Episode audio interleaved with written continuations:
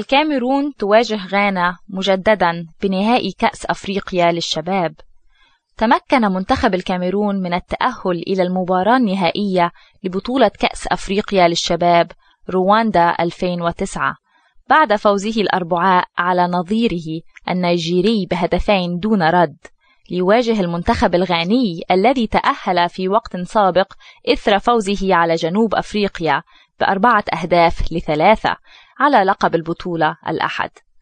جاءت المباراة الأولى في الدور نصف النهائي مثيرة وغنية بالأهداف حيث نجح المنتخب الغاني في إنهاء الشوط الأول متقدما بهدفين عن طريق دومينيك إيديا في الدقيقة الخامسة والعشرين وأوسي رانسفورد في الدقيقة الأخيرة.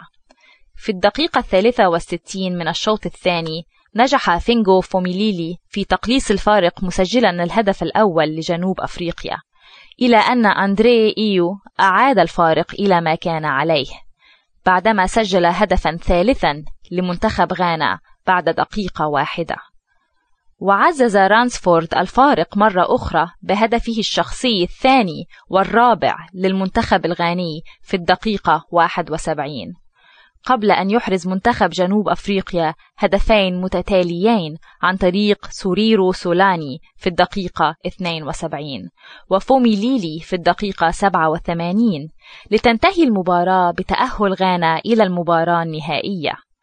وكان المنتخبان الكاميروني والغاني قد التقيا ضمن منافسات أولى جولات المجموعة الأولى في الثامن عشر من يناير كانون الثاني الجاري حيث انتهت المباراة بالتعادل بهدف لكل منهما. وسوف يلتقي المنتخبان الجريحان جنوب أفريقيا ونيجيريا في مباراة تحديد المركزين الثالث والرابع السبت المقبل.